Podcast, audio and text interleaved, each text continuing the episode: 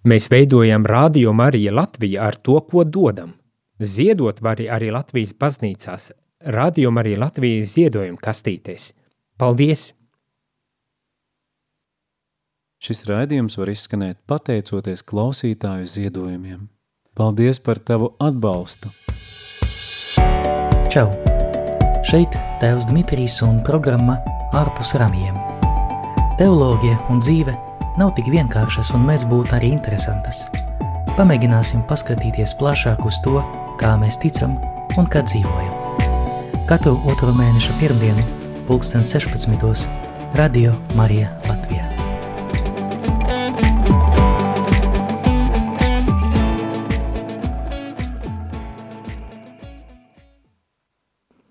Labvakar, labvakar, darbie radio Marija klausītāji! Otrā mēneša pirmdiena, pulksten 16. Un kā jau ir ierasts vismaz reizi mēnesies, esmu šeit studijā, ar jums kopā priesteris Dmitrijs ar raidījumu ārpus ramjiem.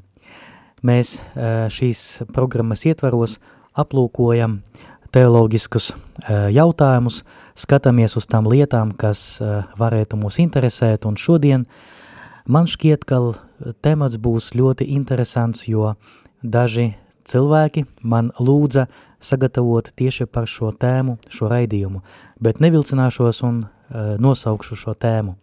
Šodien mēs runāsim par egzorcismiem.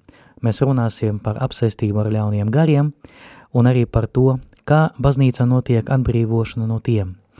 Un uh, noteikti š, pieņ, pieņ, ņemot vērā šī temata svarīgumu, es domāju, ka vērts palūkties pirms mēs uh, sāksim par to runāt, jo brīžiem ir temati, ar, par kuriem var runāt tikai turot rožakroni rokās. Lūksim Dievmātes aizbildniecību par mums visiem, kas šodien runās, tas ir par mani un par jums, kas mani klausīsies. Esi sveicināta Marija, žēlastības pilnā, kungs ir ar tevi, tu esi sveitīta starp sievietēm, un sveitīts ir tavas miesas auglis Jēzus, svētā Marija, Dieva māte, lūdz par mums grēciniekiem, tagad un mūsu nāves stundā. Amen. Nu ko, braucām ar šo ļoti svarīgo un grūto tēmu. Vispirms, pirms mēs sāksim runāt par šo lietu, tāda ievada ietvaros es gribētu pateikt, aizmirstiet visu to, ko jūs redzējāt filmās par egzorcistiem, jo tas nemaz nesaskan ar taisnību un patiesību. Tas viss izskatās pilnīgi savādāk. Gribu arī um, un uzdrošināšos jums pateikt arī sekojošo. Aizmirstiet arī par visu to, ko jūs bijat lasījuši gan uh, grāmatās, ko uzrakstījis Gabriels Samorts, ar visu cieņu, protams, šim priesterim, mužīgu mieru jau viņam. Aizmirstiet visu to, ko esat lasījuši uh, dažādos portālos, jo pirms šīs programmas, kad es meklēju uh, kā lai pareizi rakstīt egzorcismus caur Z vai caur S. Man pirmais, kas izkritā eh, meklētājā, tas bija raksts TVNetā eh, par kādu priesteri no Dienvidamerikas, kurš saka par sevi ļaunais gars manis baidās. Es mazliet saulūkoju šo rakstu un konstatēju, ka tur vispār nav nekā teologi, nekā kopīga ar uh, ortodoksālo uh, katoļu teoloģiju. Un tāpēc mēs ar jums runāsim uh, Eh, par šo tēmu, balstoties uz viena ļoti svarīga dokumenta. Tas ir egzorcismu rituāls, jo šis, šīs grāmatas pašā sākumā uh, parasti tiek dots teoloģiski, teoloģiski pastoralais ievads, kurā tiek uh, skaidrota uh, gan egzorcisma, gan arī apsēstības mm, teoloģiska būtība. Un mēs pamēģināsim aplūkot šo tēmu nevis no intervijām, nevis no uh, liecību uh, puses, bet tieši un teoloģiskās puses. Es atzīšos, ka pats es, protams, neesmu egzorcists un uh, arī atzīšos, ka es nejūtos cienīgs un uh, tad noteikti šis kalpojums nebūtu man pa spēkiem, bet uh, man pašam gan gadījās būt uh, egzorcisma lūkšanas laikā klāt, gan arī gadījās runāt ar daudziem egzorcistiem, gan ar nosauksim to adekvātiem, gan arī ar tādiem, kuriem, eh, kurus būtu jālaiž jau pensijā, jo parasti tas kalpojums arī atspoguļojas arī uz cilvēka dzīves un pasaules uztveres. Un uh, gadies redzēt un dzirdēt arī diezgan dīvainas lietas. Uh, tāpēc es nolēmu, ka mēs pievērsīsimies tieši uh, šim tematam no baznīcas pieredzes puses. Nevis no konkrēta egzorcista, nevis no konkrētu cilvēku, bet tieši no egzorcistu puses. Un tad, paskatīsimies. Sāksim ar to, ka baznīcas mācībā mēs ticam uh, pierādīt mēs to tā līdz galam nevaram, mēs varam tikai argumentēt, bet uh, mēs ticam, ka pastāv gan fiziskā, gan arī garīga realitāte. Un uh, ņemot vērā, ka tajā garīgajā realitātes pusē Dievs arī radījis kaut kādas būtnes, kuras mēs saucam par garīgām būtnēm, uh, dažreiz mēs izmantojam, izmantojam tādu jēdzienu kā eņģelis, mēs uh, piekritam arī tām, mēs ticam arī tām, ka tas garīgas būtnes ir apdāvinātas ar vienu ļoti svarīgu dāvanu, kas ir kopīga gan viņiem, gan arī mums. Proti, iet runa par brīvo gribu. Ja kādam ir brīva griba, tad noteikti viņam ir iespēja ne virtuāla, bet reāla izvēlēties vai nu būt kopā ar Dievu, vai nu būt pret viņu. Tas nozīmē nebūt kopā ar viņu. Un ja, mē, ja šī iespēja ir reāla, tad var pieļaut, ka arī ir tādas būtnes, kuras noteikti bija pieņemušas tādu lēmumu, lai nebūtu kopā ar Dievu, lai dumpoties pret viņu. Gan arī, ja mēs pieņemam svētos rakstus kā tādu normatīvo bāzi mūsu ticībai, tad arī svētie raksti šo logiku apstiprina, ka ir arī dažas būtnes, kuras pieņēma pretējo pusi nekā būt Dieva pusē. Un mēs to saucam par ļauniem gariem, par sātanu, izmantojam arī dažādus citus iedzienus, lai aplūkot, eh, lai vai mm, apzīmēt šos, šīs būtnes. Cik viņu ir daudz, mēs nezinām, tas ir noslēpums Dievā, nevis mūsu, bet nu katrā ziņā jāpieņem kā fakts, ka tādas būtnes eksistē. Un tas ir mūsu pirmais solis, kas būtu jāveic. Tas ir jā, jāapstiprina, ka tādas būtnes, kas sadumpojušās pret Dievu, vienkārši eksistē. Bet veiksim kārtējo soli um, izprašanā, kas tas ir apsēstība. Jāpieņem arī tas, un mēs ticam, ka, arī mūsu pieredze liecina, ka Dievs viņam tikai zināmo iemeslu dēļ ir pieļāvis tādu lietu, ka arī ļaunajiem gariem ir zināmā mērā ietekme uz mūsu dzīvi un uz šo pasauli. Parasti šī ietekme ļoti ir, ir, ir ļoti ierobežota, jo Dievs, Dievs neļauj viņam uh, darboties tā, cik daudz vai un tā, un tik daudz, cik viņam gribētos. Tas mans garīgais tēvs parasti izmanto tādu salīdzinājumu, ka tas ir suns uz ķēdes. Viņš var būt nikns, viņš var būt rēt, viņš var rēt uz visiem, kas iet garām, bet viņš var kustēties tikai tik tālu, cik viņam ļauj šī ķēde. Atvainojos par tādu salīdzinājumu, jo e, mūsdienu laikos jau ir aizliegts turēt dzīvniekus uz ķēdes, bet noteikti mēs, kas esam tāda vecāka paudze, mēs atceramies vēl tos laikus, kad neviens neiebilda pret to, kā turēt dzīvniekus uz ķēdes. Bet katrā ziņā šis salīdzinājums ļoti labi parāda e, ļaunā gara ierobežojumus, e, ļaunā gara darbības robežas. Un tagad pamēģināsim veikt kārtēju soli un konstatēt, bet kādas ir šī ļaunā gara uh, darbības robežas mūsu dzīvē. Parasti garīgas dzīves teoloģijā mēs izmantojam tādus, tādas trīs pakāpes. Pirmā pakāpe, ar kuru ir iepazinies katrs kristietis no tā brīža, kad, viņa, kad viņš sāka atpazīt, kas ir labs un kas ir ļauns, kad viņš kļuva par um, spējīgu grēkot vai nē.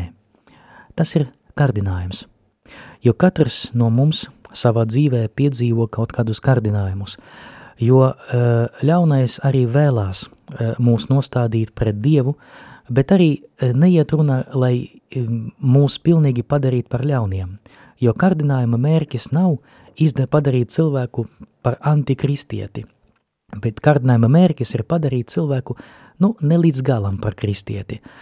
Par kristieti ar zināmiem iebildumiem, par kristieti, kuram ir zināmas um, preferences attiecībā uz kaut kādiem jautājumiem, nekā to māca baznīca, runājot ļoti vienkārši. Un katrs no mums ar tādiem kārdinājumiem, kārdinājumiem savā dzīvē būtu sastapies, vismaz es varu pateikt par sevi, kā katru dienu rodas visāda veida kārdinājumi mana dzīvē, un es uzskatu, ka esmu parastais kristietis, līdz ar to laikam jau katrs izdzīvo to līdzīgi. Tā kā tas pirmais moments, pirmais ietekmes veids, tas ir kārdinājums. Otrais veids, un šeit būs mazliet uh, drausmīgāk, bet ļoti lūdzu nebaidieties no tā, jo kungs ir ar mums uh, neatkarīgi no tā, par kādām tēmām mēs runājam. Tas ir um, tas, ko garīgas dzīves teoloģija, vispār teoloģija sauc par obsesiju. Uh, mēs varam to tā figurāli tulkot kā mocīšana. Jo ļaunais gars ne tikai var kardināt kādu, bet brīžiem gadās, ka Dievs pieļauj, ka e, ļaunām garam tiek dots mazliet vairāk varas nekā, mm, nekā attiecībā uz kādu parasto cilvēku. Es došu tikai vienu piemēru – svētais tēvs Pio, mums visiem pazīstamais stigmātikas no San Giovanni Rotondo. Viņš savā dzīvē ir piedzīvojis arī tā saucamos obsesiju, jeb jaunā gara, ļaunā gara uzbrukumus un mocīšanu. Ja, un tā bija savā ziņā garīga cīņa, bet noteikti gribu jūs pabrīdināt, lai es nebaidītos, jo Dievs to pieļauj tik attiecību uz tiem cilvēkiem, par kuriem Dievs zina, ka viņi būs spējīgi pretoties tādiem ļaunā gara uzbrukumiem. Es negribu tagad aprakstīt sīki, kā tas notiek, lai no vienas puses jūs neiebiedētu, bet no otras puses, lai arī nedotu mm, Eh, zināmā mērā instrukciju, bet par to mazliet vēlāk. Un trešais ehm, ļaunā gara ietekmes veids, eh, tas ir proti pati apsēstība, jeb posesio, kad eh, ļaunā gara varā nonāk ehm, zināmā mērā cilvēka psihiskas un fiziskas, psihiskā un fiziskā dimensija. Šeit es gribu pievērst ļoti, ļoti, ļoti pievērst jūsu uzmanību tam, ka ļaunām garam nav pieejama cilvēka garīga realitāte. Ļaunām garam nav pie, pieejama cilvēka garīga dimensija. Viņam nav ietekmes uz to, vai cilvēks izvēlēsies Dievu vai nē. Viņam ir ietekme tikai un fiziskam, uz fiziskam spējām. Es pamēģināšu to, pamē, pamēģināšu to raksturot mazliet tādā veidā. Iedomāsimies, ka mēs braucam ar visjaunāko mašīnu, kurai ir mm, tāda sistēma, kura pati var uh, vadīt mašīnu pa ceļiem. Jā, tagad tādas sistēmas jau pastāv gan jaunai Teslai, gan arī citas um, kompānijas mēģina tādas mašīnas ražot. Un iedomāsimies, ka vienā brīdī uh, tam datoram, kas ir šajā mašīnā, kaut kas ir sajūcis prātā, un šī mašīna pēkšņi pati par sevi sāk uh, braukt ātrāk vai braukt lēnāk. Uh, šoferis spaida pedaļus, šoferis mēģina sturēt, bet nu viņam neīpaši sanāk, jo mašīna viņu neklausa.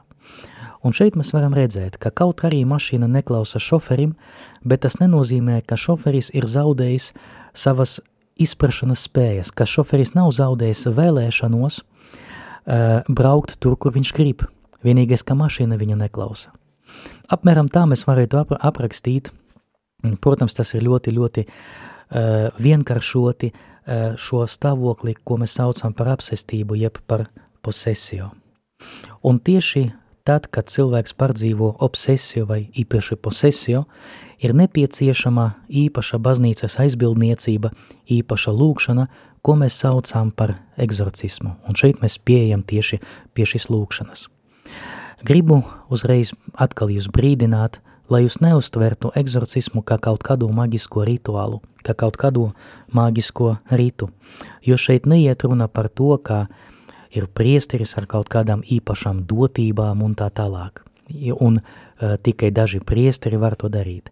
Egzorcisms tas ir kalpojums, ko baznīca uztic dažiem garīdzniekiem, uh, un tagad es gribu jums mazliet pastāstīt, kādiem garīdzniekiem baznīca uztic, uztic šo kalpojumu, pirms mēs ķersimies pie šī kalpojuma būtības aprakstīšanas. Šis teoloģiski pastorālais ievads, par kuru es runāju pašā sākumā, nosaka e, sekojošo. Kā normāla kārtībā, katrā diecēzē egzorcists ir pats bīskaps. Katram bīskapam ir dota vara lūgties egzorcisma lūkšanu. Kāpēc tas ir tā? Un tāpēc, ka bīskapam piemīt priesterības pilnība. Ja mēs paskatīsimies teologiski, diakons ir domāts kalpošanai. Priesteris savu kalpojumu pilda kāda bīskapa vārdā. To mēs varam arī redzēt, kad mēs lūdzamies svētajā misē un atceramies, ko pasaka priesteris svētās, svētās mises euharistijas lūkšanas laikā. Vienotība ar pāvestu Francisku un ar bīskapu Rīgas diecēzē Zbigņevu, Latgalas diecēzi Jāni, Jelgavas diecēzi Edvardu un Liepais diecēzi Viktoru. Tā kā katrs no diecēzes bīskapiem, viņš ir egzorcists um, pats saskaņā ar savu amatu. Viņam nav jāprasa atļauja kādam citam, lai lūgties eh, arī eksorcisma lūkšanu par kādu apsēsto.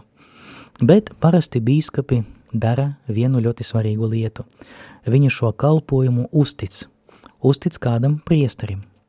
Un eh, šīs eh, pastorā, teoloģiskie pastorālais ievads eksorcisma rituālam nosaka, ka priesterim jābūt pirmām kārtām viņam jābūt dievbijīgam.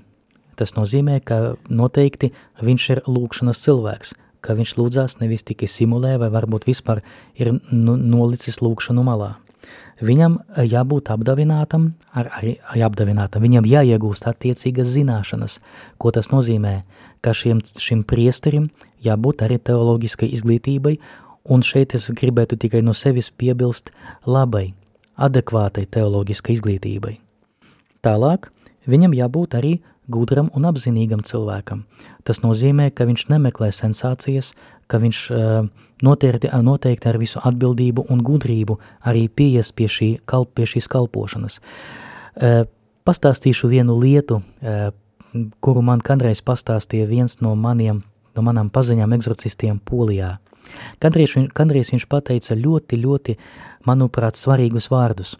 Viņš pateica tā – nevar nozīmēt par egzorcistu tādu priesteri, kurš pats ļoti grib būt par egzorcistu.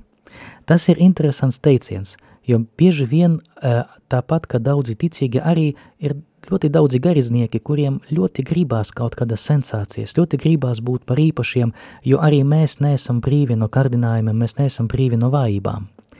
Un šī, šī priestera doma man kaut kā iešāvas prātā tik dziļi, ka es katru reizi, kad pieskaros šim, šim tēmatam, uh, vienmēr atceros tos vārdus, ko viņš man bija teicis.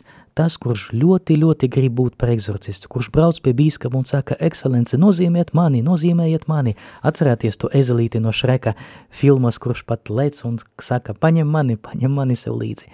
Tā kā tādā gadījumā uh, kā teica šīs mans eh, pazīstamais egzorcists, viņš teica, tas ir ļoti, ļoti svarīgs diskvalificējošais faktors tam, jo šis priesteris varbūt nebūs nerīkosies gudri, viņš arī redzēs ļauno garu tur, kur viņa nav. Un es pateikšu, ka ar tādiem gadījumiem arī esmu sastāpies, ka cilvēks bija tikai psihiski slims, tas tika konstatēts, bet tik un tā viņš lasīja egzorcismus, jo viņš uzskatīja, ka šis cilvēks ir slims. Bet, nu, es negribu tagad stāstīt par konkrētiem gadījumiem, bet noteikti tādas lietas biju redzējis, kad uh, cilvēks nav apsēsts, bet par viņu tiek skaistīts egzorcisms, bet cilvēks netiek ārstēts, arī psiholoģiski vai psihiatriski, un līdz ar to cilvēka stāvoklis kļūs kļūst tikai sliktāks. Tā kā šī apdomība.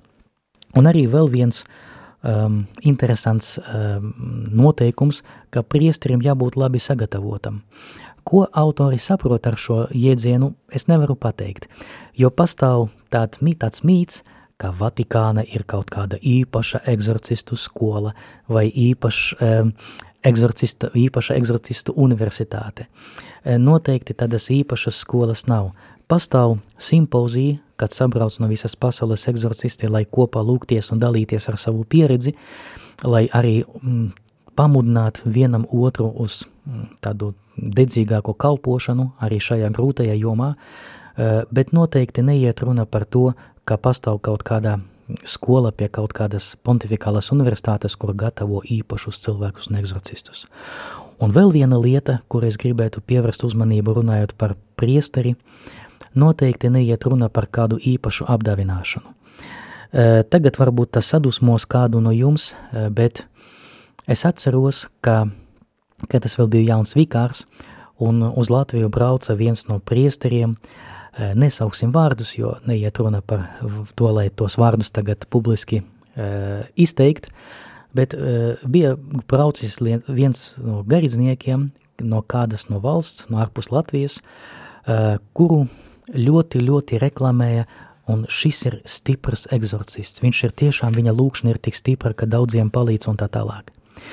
Un uh, radās iespējas, man personīgi toreiz radās tāds iespējas, kad laikam viņu pozicionē kā, kā tādu brīnumdarītāju, jo parasti priesteri ir tādi parasti priesterīša, ko viņi tur var tikai misi noturēt, greksūdzi pieņemt un tā tālāk, bet šis gan ir stiprs un, uh, un viņš noteikti palīdzēs visās grūtībās. Es jums padalīšos ar vienu pieredzi, kā pēc tam, kad šis priesteris aizbrauc un tie paši cilvēki iet pie greksūdzes, protams, es neatklāšu greksūdzes noslēpumus, jo to es nekad nedaru, ne tikai tāpēc, ka ir sankcijas, bet arī tāpēc, ka neuzskatu to par pareizo, bet pēc tam, pēc šī priestera aizbraukšanas man nācās biktēt šos cilvēkus, mēģināt viņus kaut kādā veidā vadīt, un es pateikšu tā, ka mm, nu, lielāka šo cilvēku daļa, viņu stāvoklis bija vēl sliktāks nekā bija pirms šī priestera atbraukšanas. Kāpēc? Jo tāpēc, ka bija ļoti lielas cerības, un šie cilvēki bija vilušies, jo viņa lūkšanas un viņa egzorcismi vienkārši nepalīdzēja.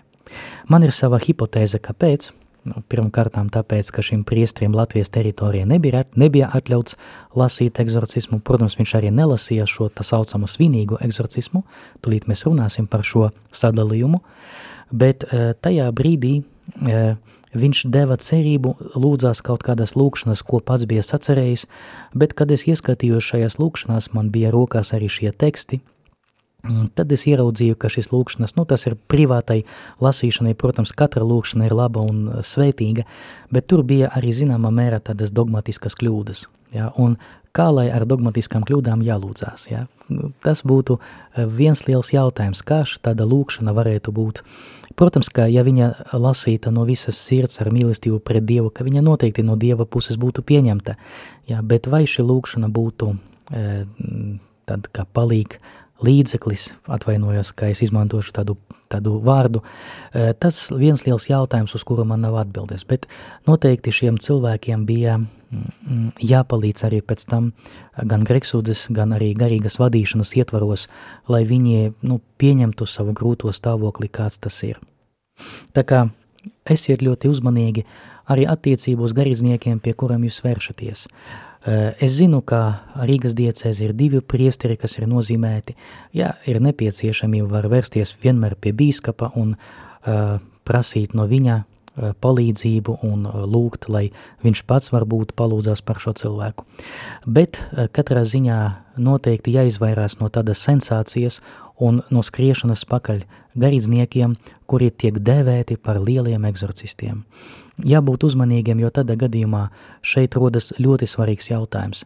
Vai es meklēju Dievu, vai gadījumā mana kristietība nekļūst mazliet, vai pat ne, ne mazliet, mainticīga vai magiska, kā tiek noskaitīts kaut kāds rīts, un tas automatiski man palīdzēs. It kā kaut kādas lūkšanas noskaitīšana būtu līdzeklis, kā ietekmēt Dievu un mainīt pasaules gaitas. Tas ir diezgan bīstama domāšana un jāsaka, ka viņa nav kristīga, jo Dievs ir persona, nevis dators, kurā tu ieviesot, ieviešot iekšā kaut kādu komandu, dabūsi to, ko tu vēlies. Mūsu attiecības ar Dievu nav programmēšana, bet divu personu attiecība. Attiecības. Ok, nu dosimies tālāk. Nākošais mūsu solis, ko, mm, ko nosaka arī šie rituāli, tas ir mm, kā lai nosaka, vai cilvēks ir apsēsts vai nē, jo tas ir ļoti svarīgs moments. Mm, es atzīšos atkal, šodien tad atz, tāds atzīšanas vakars e, manā gadījumā notiek, es atzīšos, e, ka arī mūsu baznīcā gadījās tajā laikā vēl, kad mums bija mm, baznīcas telefons atsevišķi, jo tagad mūsu telefons ir pievienots pie viena no, e, pie prāvesta uh, mobilā telefona, eh, bet kādreiz zvanīja ļoti daudzi cilvēki un jau pa telefonu teica tā, vai mēs nevarētu runāt ar tādu un tādu priesteri, jo es esmu apsēsts, man, apsēsts, man ir nepieciešama egzorcista palīdzība. Un tad uh, parasti es uzdodu jautājumu, labi, bet kas konstatējis, ka jūs esat apsēsts. A, es tā jūtu, es tā uzskatu, ka esmu, esmu, esmu apsēsts. Nu, tas ir līdzīgs apmēram tāpat, ka es atnācu pie ārsta un tagad sāku redziet, eh, cienījamais ārsta kungs. Es iegooglēju simptomus un man ir tāda un tāda slimība. Es netaisīju nekādus, eh, ne, nenod, neno, neesmu nodevis nekādas analīzes, neesmu bijis ne pie kāda specialista, bet es točno zinu, kas man notika, kas man kaiš. Tas ir ļoti līdzīgs un jāsaka, ka tas ir diezgan neapdomāta lieta, jo rituāls uh, nosaka ļoti svarīgu lietu attiecībā uz mm, tādu, nu, izmantosim šo vārdu diagnostē, diagnos, diagnostiku, vai cilvēks ir apsēsts vai nē. Tas ir uh, maksimāla piesardzība uh, attiecība uz tiem cilvēkiem, kas nāk. Kāpēc es par to runāju un kāpēc es nevēlos ļoti daudz runāt par egzorcismu? Jo ļoti daudzi cilvēki, kuriem ir grūtības sas, sakarā ar viņu psiholoģisko stāvokli, arī, ar, arī varbūt ar psihiskām slimībām, ir tas, ka cilvēks, ja viņš slims, tad viņš meklē palīdzību jebkur, cik tas ir tikai iespējams. Un arī parasti ļoti liels, negribu teikt kārdinājums, bet ļoti liela tāda vēlēšanās paskaidrot savu grūto stāvokli ar to, ka ļaunais gars man ir apsējis, apsē, esmu apsēs ar ļauno garu.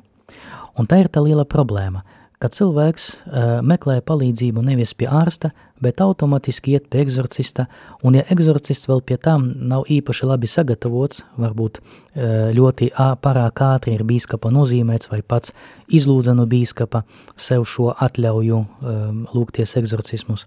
Un tādā gadījumā šis priesteris uzreiz ticēs katram cilvēkam, kas nāks pie viņa un pateiks, ka viņš ir apsēsts. Un tāpēc šī piesardzība ir ļoti svarīga, jo Eh, runājot ar egzorcistiem, kuri nodarbojās ar šo kalpojumu, eh, viņi, eh, vismaz tie mani paziņas, es ne, nevar, nezinu, vai es varu saukt par draugiem, jo, mēs, jo mums nav tādu draudzīgu attiecību, drīzāk es tā interesējos un tādās brāliskas sarunās viņus tā mazliet mocīja ar saviem jautājumiem. Bet uh, parasti viņi saka tā, ka uh, Tikai tad mēs varam konstatēt uh, un ņemties un skaitīt šīs lūkšanas, ja ir skaidri konstatēts, ka cilvēks ir psihiski vesels. Jo ļoti bieži gadās, ka cilvēki arī prot ļoti labi simulēt, jo šīs uh, literatūras, kur tiek aprakstīti gan simptomi, gan arī uzvedība, ka cilvēks ir ļaunā gara apsēsts, uh, visi to zin, pietiek iegooglēt un visi uzreiz atradīs mm, visus nepieciešamus simptomus. Un pēc tam tikai pietiek šos simptomus atkartot, un tādā gadījumā mm, var arī maldināt pašu egzorcistu.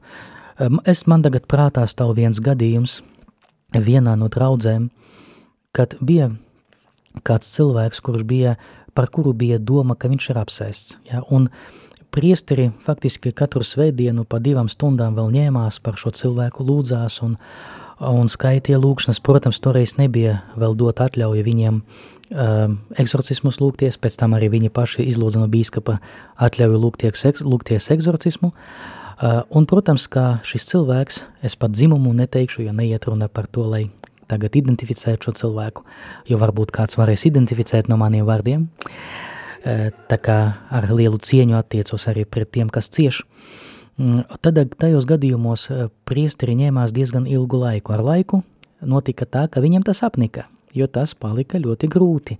Iedomājieties, tev svētdien jānokalpo vairākas svētās mises, jānocelebrē, jāpabiktē, un pēc tam vēl divas stundas jāņēmās ar šo cilvēku ar lūkšanu skaitīšanu.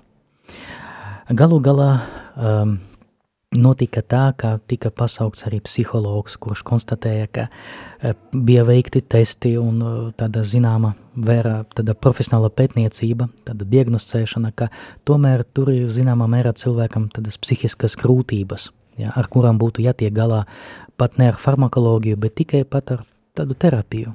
Ja, protams, arī mainīt diētu, mainīt dzīvesveidu un tā tālāk.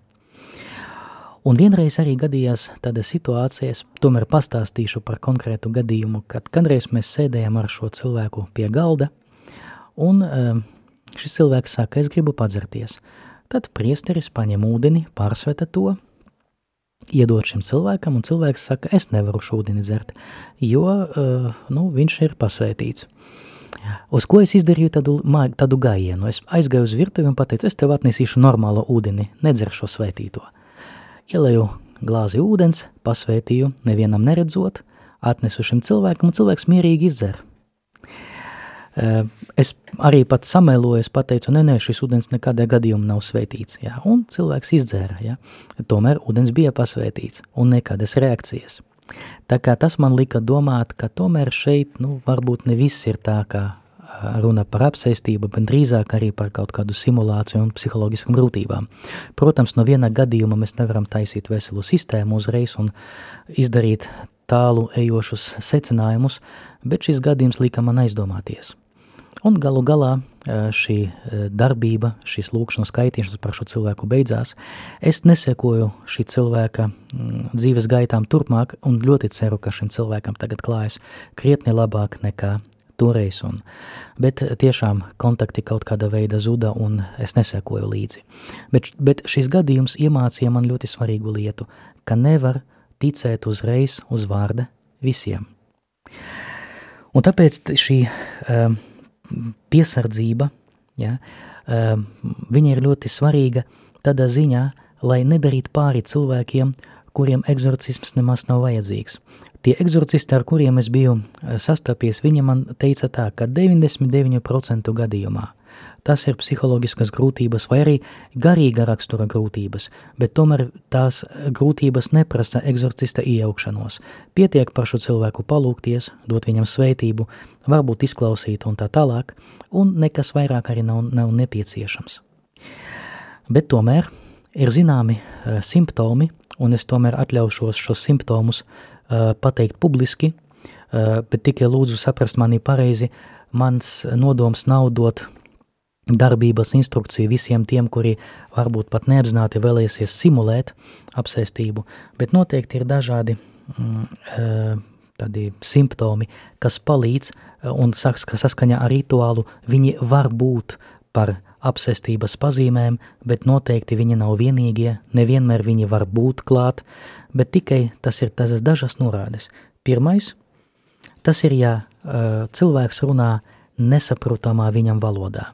Iedomāsimies, ka ir kaut kāda jauna, jauns cilvēks vai jauna meitene, kura nekad nav mācījusies latīņu valodā, un pēkšņi sāk runāt ar garīdznieku tīrā latīņu valodā, atbildēt latīniski, piemēram, vai grieķu valodā.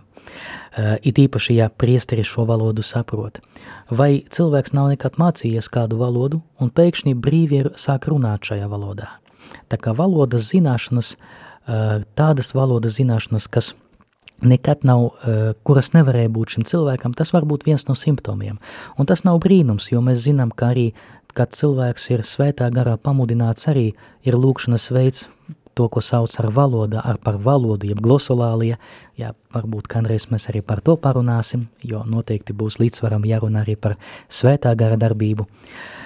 Bet ir, tas ir tādā zināmā mērā tāda ļaunā gara mm, manipulācija vai ļaunā gara mm, tāda smiešanās par dieva dāvanām. Ja, un tāpēc arī šīs valodas zināšanas var būt kā viena no pazīmēm, ja kā cilvēks ir apsēsts.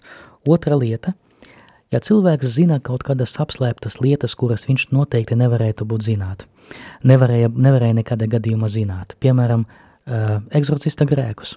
Kāpēc es baidos būt par eksorcistu, tas viens no, vai baidos pat palīdzēt egzorcistam, tas ir tas, ka ja gadījumā šis apsēstais pēkšņi uzzinās, kad ir mani grēki, un man būs ļoti kauns. Jā, līdz ar to tas būtu tas apslēptas lietas, bet kuras patiešām varētu liecināt par to, ka šī cilvēka gadījumā apsestība patiešām ir notikusi. Var gadīties arī vēl viena, viens simptoms. Ja cilvēks izrāda tādas spējas, kuras viņam noteikti nevarētu būt šajā situācijā. Piemēram, kaut kāda maza tāda meitenīte, ja, kuras, var, kuras ver 50 kg, pēkšņi uh, paliek tik stipra, ka stipri vīrieši nevar viņu noturēt un savaldīt. Arī tas varētu būt viena no pazīmēm. Un vēl viena no pazīmēm arī naids pret svētumu. Ja, ja, redziet, ja es jūsu priekšā nolikšu pasveitītu un nepasveitītu svētbildi vai krustu. Noteikti neviens no mums nevarēs atšķirt svētītu no nesvētītā. vai ne? Bet um, cilvēks, kas ir apsēsts, jeb ļaunais, kas ir šo cilvēku apsē, apsējis, tad viņš noteikti var atšķirt vienu no otra, un viņam arī parādīsies naids attiecību uz svēto priekšmetu vai svētītu ūdeni. Tā kā, protams, ka šie simptomi var būt, viņi var arī nebūt, bet viņi ir doti šajā, atvainojiet, šajā rītā vai šajā ievadā egzorcistu rituālē, kā zināmas tādas pazīmes tam, kas palīdzētu arī pašam priesterim, egzorcistam saprast, vai cilvēks ir apsēsts vai nē. Un tagad es gribu pariet un izdarīt vēl kārtējo soli, lai mm, mēģināt atbildēt uz jautājumu, bet kā notiek eksorcisms? Jo tas arī ļoti svarīgi, jo ne visi no mums, no mums ir bijuši tajā uh, eksorcismu rīta laikā, un lai Dievs dod, ka mēs nebūtu. Bet noteikti tas būtu jāizrunā. Pirmam kārtām šīs liturgiski vai teologiski pastorālais ievads saka tā, ka attiecību uz eksorcisma rītu obligāti ir jāizvairās no jebkādas jebkādas uzvedības, lai tas neizskatītos pēc kaut kāda maģiska, eh, ezoteriska rituāla. Jo tas ir tāda pati kalpošana, kā uh, krustiņu pasvētīšana un tā tālāk. Jo egzorcisms tas nav nekas cits, kā viens no sakramentālijām. Īs, īs ievads, uh, ja iet runa par sakramentiem. Mums ir septiņi sakramenti, bet mums ir arī tā, saucamie, sakra, tā saucamās sakramentālijas, jeb mazākie sakramenti. Tas ir krusteņu pasvētīšanas, baznīcas konsekrācija, svētsolījumi, bēru rīts un tā tālāk. Un egzorcismu rituāls arī ir viens no sakramentālijām. Tas nozīmē, ka viņu mērķis nav pats sevī, bet viņu mērķis ir novest cilvēku līdz sakramentiem. Un tāpēc, pirms uh, notiek egzorcisma rituāls, obligāti tam cilvēkam, kurš var būt apsēsts, ir jāpiet pie grēksūdzes un pie svētās komunijas. Arī labi būtu, ja pats priesteris būtu žēlastības stāvoklī. Ļoti labi un ieteicami būtu, lai arī visi pārējie, kas šim priesterim palīdz ar lūkšanu vai ar fizisko palīdzību, arī būtu žēlastības stāvoklī. Tas nozīmē, ka visiem jābūt pie grēksūdzes vai nesen jābūt pēc, pēc grēksūdzes un arī pēc svētās komunijas. Un tāpēc, ja kāds tiešām ir apsēsts, mm, šeit ir ļoti svarīga lieta, ka ja ļaunais gars ir tiešām ja cilvēks ir padots ļaunajam garam šajā posesiju nozīmē, vai viņš apsēsts, eh, tas nenozīmē, ka cilvēks visu laiku ir mm, apsēsts. Eh, ļaunais gars manifestējās tikai attiecīgos brīžos, ko mēs saucam par krīzēm, ja, bet noteikti nenotiek tā, ka mm, cilvēks visu laiku nesaprot, ko viņš dara. Ja? Kad, kad ļaunais gars nav manifestējies, cilvēks var normāli funkcionēt sabiedrībā, var iet pie komunijas, pie grēksodzes un tā tālāk. Bet tikai manifestāciju, jeb krīžu laikā parādās uh, tas, tas pazīmes, par kurām arī mēs runājam iepriekš. Tā kā ļoti svarīgi, lai cilvēki būtu pienākuši pie sakramentiem, arī pats tas, kurš cieš. Otra lieta – jāatcerās, ka cilvēks, kas tiešām ir atradies mm, apsēstības stāvoklī, viņš pats cieš. Un līdz ar to nedrīkst no egzorcisma taisīt kaut kādu uh, šovu. Nedrīkst ierakstīt, nedrīkst filmēt, nedrīkst pārējiem stāstīt, kas tur noticis un tā tālāk. No daudziem egzorcistiem es esmu dzirdējis ļoti svarīgu lietu mm, un ļoti nepatīkamu lietu, kas ir pilnīga pretrunā uh, pret to, ko uh, pret to, ko, kas ir atspoguļots šajā rītā, kā baznīcas pieredze, ka viņi sāk stāstīt, ar ko viņi runājuši, ko viņi dzirdējuši un tā tālāk, ka viņi jautā ļaunajam garam, kā tu esi viņa, pie viņa iegājis, ka viņi jautā, kāds tev ir vārds. Kad es jautāju egzorcistiem, kāpēc jūs to darat, eh, tad viņi teica, eh, īstenībā neviens nav pateicis skaidri, kāpēc viņi to dara. Viņi kaut kā ir pārņēmuši šo lietu viens no otra. Piemēram, jautā, ļau, jautāt par ļaunā gara vārdu – Atcerēties, atcerieties to gadījumu, kad Jēzus izdzina ļaunos garus no apsēsta cilvēka, kuru bija legions un kurš iegāja cūkās, un tad cūkas ir nogrimušas ezerā vai jūrā. Atcerieties, ka ļaunais gars nav atbildējis, nav, nav devis atbildi, kāds ir viņa vārds. Jēzus jautā, kāds ir tavs vārds, bet viņš neatbild, mans vārds ir tāds un tāds. Viņš saka, mūsu vārds ir legions, jo mūsu ir daudz. Viņš neatbildēja par to Jēzus, Jēzus jautājumu pareizi. Viņš kaut kā jau atbildēja, bet neatbildēja pareizi. Un tāpēc jebkāda diskusija rīta laikā, egzorcisma rīta laikā ir pilnīgi aizliegta, jo ļaunais, e, viņš ir inteligentāks par mums visiem kopā ņemtiem. Un līdz ar to diskutēšana ar viņu kaut kādā saruna, tas ir pilnīgi bezjēdzīga lieta. Jebkāda liecība, kas ir dota no ļaunā gara, viņa ir pilnīgi izslēgta, jo pats Jēzus atcerieties, kad ļaunie gari, kad apsēstie cilvēki redzēja Jēzu un teica, mēs zinām, kas tu esi, tu esi kunga svētais, ko teica Jēzus klusē un izēja no viņa projām. Viņš nepieņēma liecību no ļaunā gara, un tāpēc šeit mums, šeit mums būtu jāmācās no mūsu paša pestītāja, ka no paša pestītāja, ka viņš neiet diskusijā ar ļauno garu. Ja, viņš nepieņem liecību no viņiem, viņš vienkārši pavēl un ļaunais gars iziet, iziet projām. Un tagad um, iesim, tas izdarīsim vēl kārtēju soli mūsu sarunā un paskatīsimies, kā izskatās pats rīts. Es īsumā aprakstīšu, kas notiek, un uh, rīts sākās ar uh, krusta zīmi, protams, ar apslacīšanu, ar sveitītu ūdeni, tiek uh, priesteris un klatesošie lūdzās litāni visiem svētajiem, lūdzot viņu aizbildniecību. Notiek viena vai vairāku psalmu skaitīšana vai dziedāšana, evangēlija lasīšana, tā kā mēs redzam, ka notiek vārda liturgija, Priesteris uzliek rokas, lūdzot, lūdzot svētā gara žēlastību arī par šo cilvēku, kas cieš. Tiek nolasīts arī, nolasīt arī tic, nolasīts ticības apliecinājums kredo, es ticu, lai parādītu, kā mēs ticam mūsu kungam. Un tad priesteris parāda apsēstājiem krustu un sveiti ar šo krustu. Un tad notiek arī egzorcisma formulas lasīšana. Un šeit jāpasaka, ka egzorcisma formula neparedz nekādas diskusijas ar ļauno garu. Un šeit mēs redzam, ka brīžiem neīpaši apdomīgi egzorcisti atkāpjas no tā un sāk diskutēt, sāk izjautāt. Bet vai Jēzum ir svarīgi, lai mēs zinātu, kāpēc šis, šis cilvēks tika apsēsts? Es par šo jautājumu vēl mēģināšu atbildēt, man mazliet laika vēl ir, kādas piecas minūtes. Bet katrā ziņā notiek egzorcisma, tā saucamā svinīga lielā egzorcisma skaitīšana, kuram ir divas versijas. Ir lūguma versija, kopīga doma ir kungs, ļauj šim cilvēkam būt atbrīvotam, atbrīvot kungs tu viņu pats. Un ir otrais arī pavēles forma, es tev pavēlu izēju no viņa. Un šeit ir svarīgi atcerēties, ka priesteris var izmantot gan lūguma, gan pavēles formu, vai arī tikai lūguma formu. Bet noteikti nekad priesteris, egzorcists nevar, nevar uh, izvēlēties tik un vienīgi pavēles formu. Tas ir ļoti svarīgs moments. Kāpēc? Jo tas ir pats Dievs, kas atbrīvo, nevis priesteris ar savām spējām. Priesteris ir tikai un vienīgi Dieva kalps, kurš darbojas kunga vārdā. Un, protams, pēc tam, pēc egzorcisma formula, formulas noskaitīšanas, notiek arī mm, pateicības lūkšana. Šeit jāatzīst, ka nevienmēr mm, pietiek ar vienu egzorcisma lūkšanu. Brīžiem gadās, ka šo, šo aizlūgumu jāatkārto ik pēc kāda laika, līdz notiek atbrīvošana. Tā kā apmēram tā tas izskatās, un kā redziet, tas ir, tas ir, tā ir liturgiska darbība, bet tomēr šī, šai liturgiskai darbība ir jānotiek slepeni.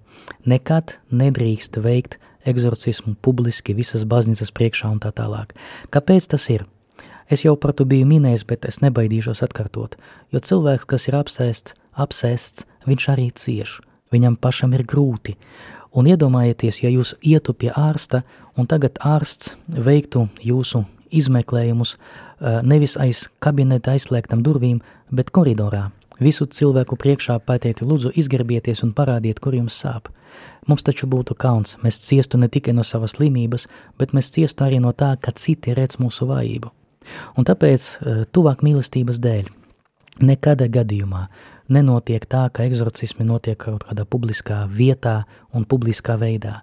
Ir priesteris, ir uzticamie cilvēki, kuri uh, palīdz viņam, kuri lūdzās par viņu, kuri simbolizē arī baznīcas klātbūtni, mm, jo tas ir baznīcas darbība, nevis kāda konkrēta priestera darbība, jā, jo priesteris to veic arī baznīcas vārdā. Tāpēc uh, noteikti ja jūs redzēsiet, vai dzirdēsiet, vai mēģināsiet googlēt, kā izskatās eksorcisms, es ļoti, ļoti iesaku, lūdzu, nedariet to. Jo tie cilvēki, kas to ir darījuši, vai kas to ir veikuši, tos ierakstus un tā tālāk, viņi, fakt, viņiem visiem faktiski ieiet pie grēksūdzes, jo viņi rīkojas pilnīgi pretrunā ar to, kas ir rakstīts pastorālā ievadā. Un tagad mm, es izdarīšu vēl pēdējo soli. Man šķiet, ka noteikti daudziem no jums ir uh, um, jautājums, bet kāpēc Dievs to pieļauj? Īstenībā man, man atkal jāatzīst, es nezinu, un man arī jāatzīst, ka arī neviens nezin. Mēs nezinām, kāpēc Dievs pieļauj tādas ciešanas viena cilvēka gadījumā, bet nepieļauj otra cilvēka gadījumā. Daudzi egzorcisti jums pateiks, ka Nu, tāpēc, ka viņš tur bija sātanu izsaucis, vai tāpēc, ka viņš tur kaut kādas lietas darījis, kā ar magiju nodarbojas un tā tālāk. Uh, bet, godīgi sakot, visa tā informācija parasti tiek savākta no kurienes? No ļaunā gara pateiktā. Ja priesteris iet dialogu ar viņu, bet, kā jau teicu, dialogs ar viņu ir bezjēdzīgs, ja tas tikai mulsina un ne, nevet ne pie kā laba. Līdz ar to šo informāciju varbūt var izsadzir, saklausīt, padzirdēt, ielikt kaut kādā sava, plak, plauktiņā savā prātā, bet noteikti nav jāņem nopietni uh, vērā, noteikti nav jā, jāņem vērā tik nopietni to, kā mēs ņemam vērā, piemēram, svētos rakstus. Tā kā, diemžēl, vai par laimi, jo varbūt šī informācija mūs pašus sāpinātu, noteikti mēs nezinām, kāpēc tas notiek. Tas paliek Dieva noslēpums, bet, nu, ja tiešām kādam ir nepieciešama egzorcista palīdzība, tad jāvēršās pie viņa, jālūdz palīdzība un tomēr jāpieņem arī pašā egzorcistā lēmums, vai nepieciešami, vai tiešām ir nepieciešamība pēc egzorcista vai nē. Un pēdējais, ja ir kaut kādas grūtības, ja ir uh, grūtība sakarā ar egzorcismu uh, vai ar garīgam ciešanām, uh, tad tādā gadījumā pirmkārtām tā ir lūkšana, tā ir garīga tēva pavadība un Es pateikšu godīgi, ka psihologa palīdzība tā ir ļoti laba lieta eh, daudzu problēmu atrisināšanai. Es nebaidīšos atzīties, ka pats savā dzīvē esmu gājis caur psihoterapiju divas reizes, un abas divas, rei, abas divas reizes esmu ļoti pateicīgs tiem psihologiem, kas man palīdzēja tik galā ar dažām lietām. Es negribu, protams, teikt, ka jā, jā, jādzīvo psihoterapija visu dzīvi, bet katrā ziņā šī palīdzība ir ļoti nepieciešama arī katra cilvēka, varbūt ne katrā, bet daudzu cilvēku gadījumā. Nu ko, darbie draugi, mans laiks tuvojas noslēgumam, pēc brīža pēc desmit minūtēm, mazliet vairāk, būs lūkšana kopā ar tiem, kas lūdzās Lurdā, būs lūkšana ar rožakroņa lūkšana ar Lurdā sapulcējušies, ar tiem, kas sapulcējušies Lurdā, tā kā es jūs atstāju ar šiem domām, lai Dievs mums visiem palīdz un lai kungs mūs svētien sargā un vada.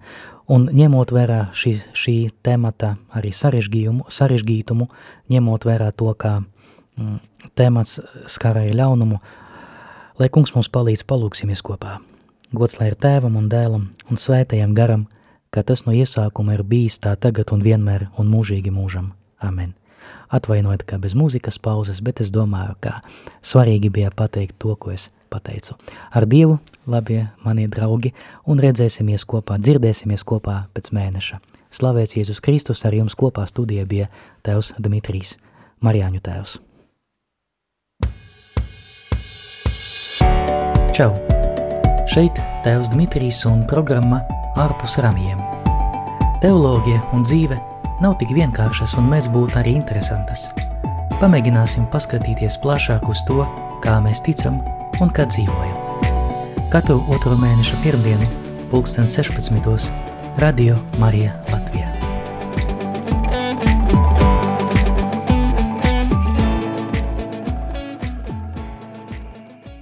Šis raidījums varēja izskanēt pateicoties klausītāju ziedojumiem Radio Marija Latvija uzturēšanai. Paldies par tavu atbalstu!